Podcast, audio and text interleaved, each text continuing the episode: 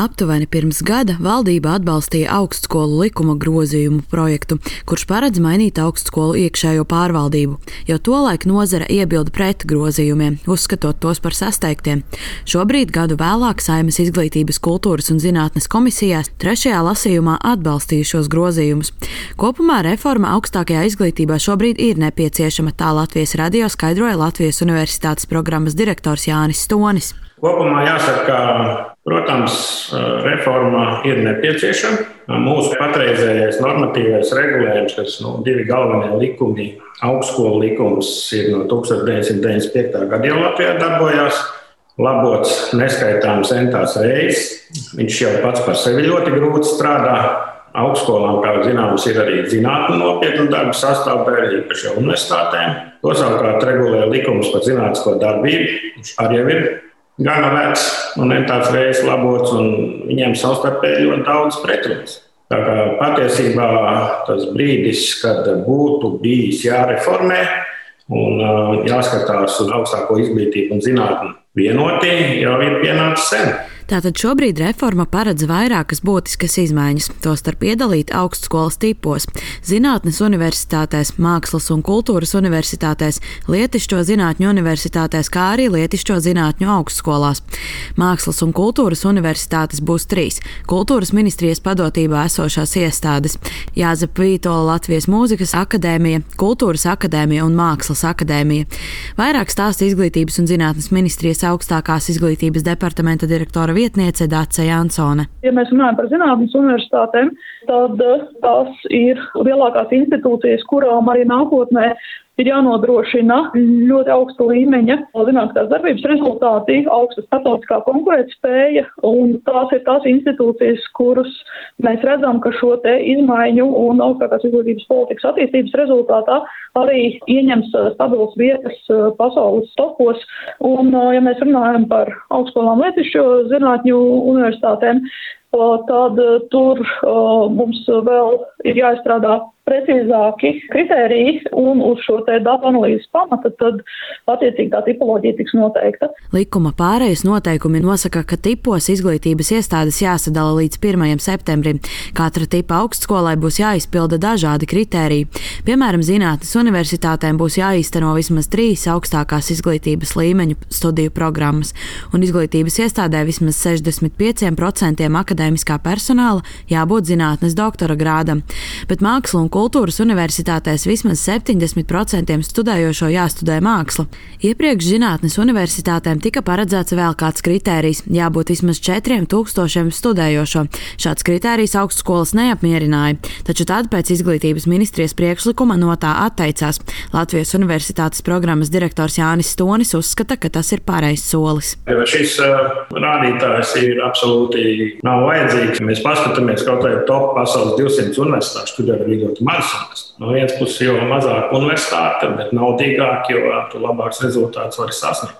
Un tas nebūtu nenozīmē, ka zinātnīs universitātē, piemēram, būtu jābūt 4000 studentiem. Nu, pirmā, kas man nāk prātā, Kalifornijas Tehnoloģija universitāte, kur studentu skaits ir līdz 2000 apmēram, bet viņi ir viena no pasaules vadošajām universitātēm. Pērn, kad kritērijs vēl nebija izņemts ar paziņojumu par apvienības jeb konsorcija izveidi, nāca klajā universitātes Jelgavā, Liepājā un Daugopilī.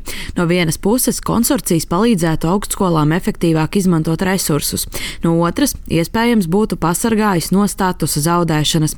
Taču tagad tā izveide apstājusies, skaidro Latvijas lauksaimniecības universitātes studiju prorektors Aigars Laizāns. Mūsu viena no domām bija tas, ka mēs esam trīs augstskolas, lielas augstskolas, kurās ir, ir līdzīga studiju programmas. Nu, piemēram, es varu nosaukt ekonomika vai komercdarbība vai uzņēmē kaut kas līdzīgs, kas ir, kas ir vieglāk uztverams, ka mēs vienojamies, ka mēs salāgojam līdz pat studijas laikam, salāgojam, kurā laikā un kad šīs un kā, kādu saturu šis kurs vai programma tiek realizēta. Un vienojamies, ka tā ir viena studiju programma, bet tiek realizēta trīs universitātēs. Kā jūs domājat, kāda bija izējuma atbilde? Nedrīkst. Katrai augstskolai ir jālicencē, katrai augstskolai jāpēdā savu programmu. Beigu beigās mūsu labā ideja par konsorciju kopdarbību studiju programmu veidošanā tikai nokauta saknē. Komentēja augstākās izglītības padomes vadītājs Andris Teikmanis. Tad, kad augstskolas eh, Latvijas Latvijas universitāte, Liepājas universitāte un Daugavpils universitāte paziņoja par konsorciju izveidošanu, faktiski vajadzēja skatīties, kā noņemt birokrātiskos šķēršļus un ierobežojumus un kā pavērt ceļu šādam konsorcijam, lai tas varētu veiksmīgi darboties, lai augstskolas varētu veiksmīgi savienot savus resursus svarīgu problēmu risināšanai. Tomēr tā vietā izglītības zinātnes ministrija uzreiz mēģināja pārvērst uh, šo konsorciju automātiski par apvienošanas vai konsolidācijas konsorciju, nosakot, ja augstskolas apvienojas konsorcijā, tad noteiktā laika posmā, teiksim, tur dažu gadu laikā tām ir jālem par pilnīgu struktūrālu apvienošanos. Līdz ar to faktiski atbaidot augstskolas no konsorcija veidošanas, tā vietā, lai iedrošinātu veidot konsorcijas. Vēl jau vairāk teikmanis skaidro, ka šobrīd svarīgāk bija domāt ne tikai par augstskolu sadarbības uzlabošanu, valsts iekšēnē, bet arī starptautiski. Viņa prāt būtu jāveic grozījumi likumā, lai arī starptautiskos konsorcijos būtu iespējams izveidot, piemēram, vienu kopīgu studiju programmu.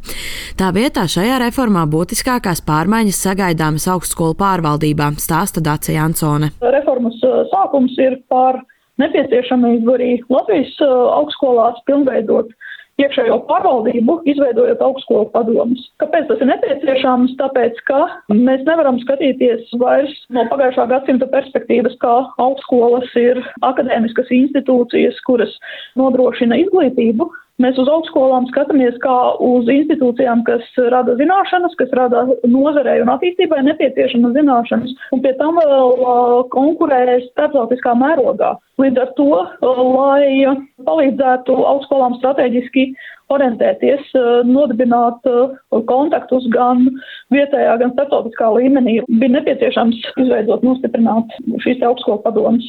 Padomju locekļu skaits atšķirsies dažādu tipu augstskolās. Sastāvu veidos gan plašas augstskolas senāta atlasīti pārstāvi, gan valdības veidotā procedūrā atlasīti industrijas un sabiedrības pārstāvi, gan valsts prezidenta nominēts pārstāvis. Likumprojekts nosaka tā saukto politiskās atzišanas periodu padomjas locekļiem. Tie pēdējo 12 mēnešu laikā nedrīkst būt bijuši saimas deputāti, ministru kabineta locekļi vai parlamentārie sekretāri. Taču nozarē ir bažas par politizētu locekļu nonākšanu padomju sastāvos, skaidro rektoru padomas ģenerālsekretārs Jānis Bērnāts. Likumprojektā šobrīd eh, nav novērsti riski, ka padome varētu būt politizēta vai ka ministrijā varētu iekļaut padomē tā pietuvinātas personas. Likumprojektā ir paredzēts tā sauktais atzīšanas periods, proti eh, padomē nevarēs iekļaut aktīvus politiķus, un eh, atzīšanas periods ir gads kopš eh, amata ieņemšanas. Bet tāpat laikā mēs saprotam, ka nav jābūt aktīvam politiķim, lai būtu ministrijas ciešā nu, sasaistē vai ciešā kontaktā ar ministru eh, vai ar partiju. Latvijai izveidojot augstskolu padomes nebūs unikāla. Tādas ir arī citās valstīs, turpina augstākās izglītības padomes vadītājs Andris Teikmanis. Latvijas būtiskākā atšķirība ir tāda, ka, ja piemēram Igaunijā vai Lietuvā šo augstskolu padomu sastāvu nu, nosaka pašas augstskolas, ievēl šos ārējos pārstāvjus, tad Latvijas gadījumā neusticība augstskolām ir rezultējusies tajā, ka šos ārējos pārstāvjus lielāko daļu ārējo pārstāvju neievēl pašas augstskolas. Ja tad, tad tur nu, zinātņu universitātē. Senāts ievēl piecus augsto padomu locekļus, un uh, ministru kabinets atlasa piecus locekļus, un valsts prezidents savukārt nozīmē 11. Kas ir vēl viena Latvijas nianses, jo, piemēram, Igaunijā šo tādu izšķirošo balsi parasti nozīmē uh, Zinātņu akadēmija. Nu, Latvijā izvēlējās, ka tā ir politiska institūcija, valsts prezidents, kuram tādu funkciju līdz šim nebija, bet nu, kurš tagad būs uh, nu, spiests visās augstskolas skolu padomēs nozīmēt vienu atslēgas pārstāvu. Kārtība, kādā atlasīs ministru kabineta ieceltos padomis locekļus, vēl jāizstrādā. Nozarē neizslēdz, ka procedūra tiešām būs caurspīdīga un izvēlētie cilvēki neitrāli, taču risks, ka tā var nebūt, pastāv. Turpina izglītības ministrijas pārstāve Dācija Ansone. Un, lai tas neapstiprinātos tiešām uh, izstrādājot šos ministru kabineta noteikumus par procedūru, kādā veidā tiks atlasīti ārējie padomu locekļi, tad uh, iestrādāsim iekšā šos te caurspīdīgu procesu, uh, lai nepieļautu šāda veida tieši politisko ietekmi. Vēl viens nozarei sāpīgs jautājums reformas izstrādes laikā ir finansējums.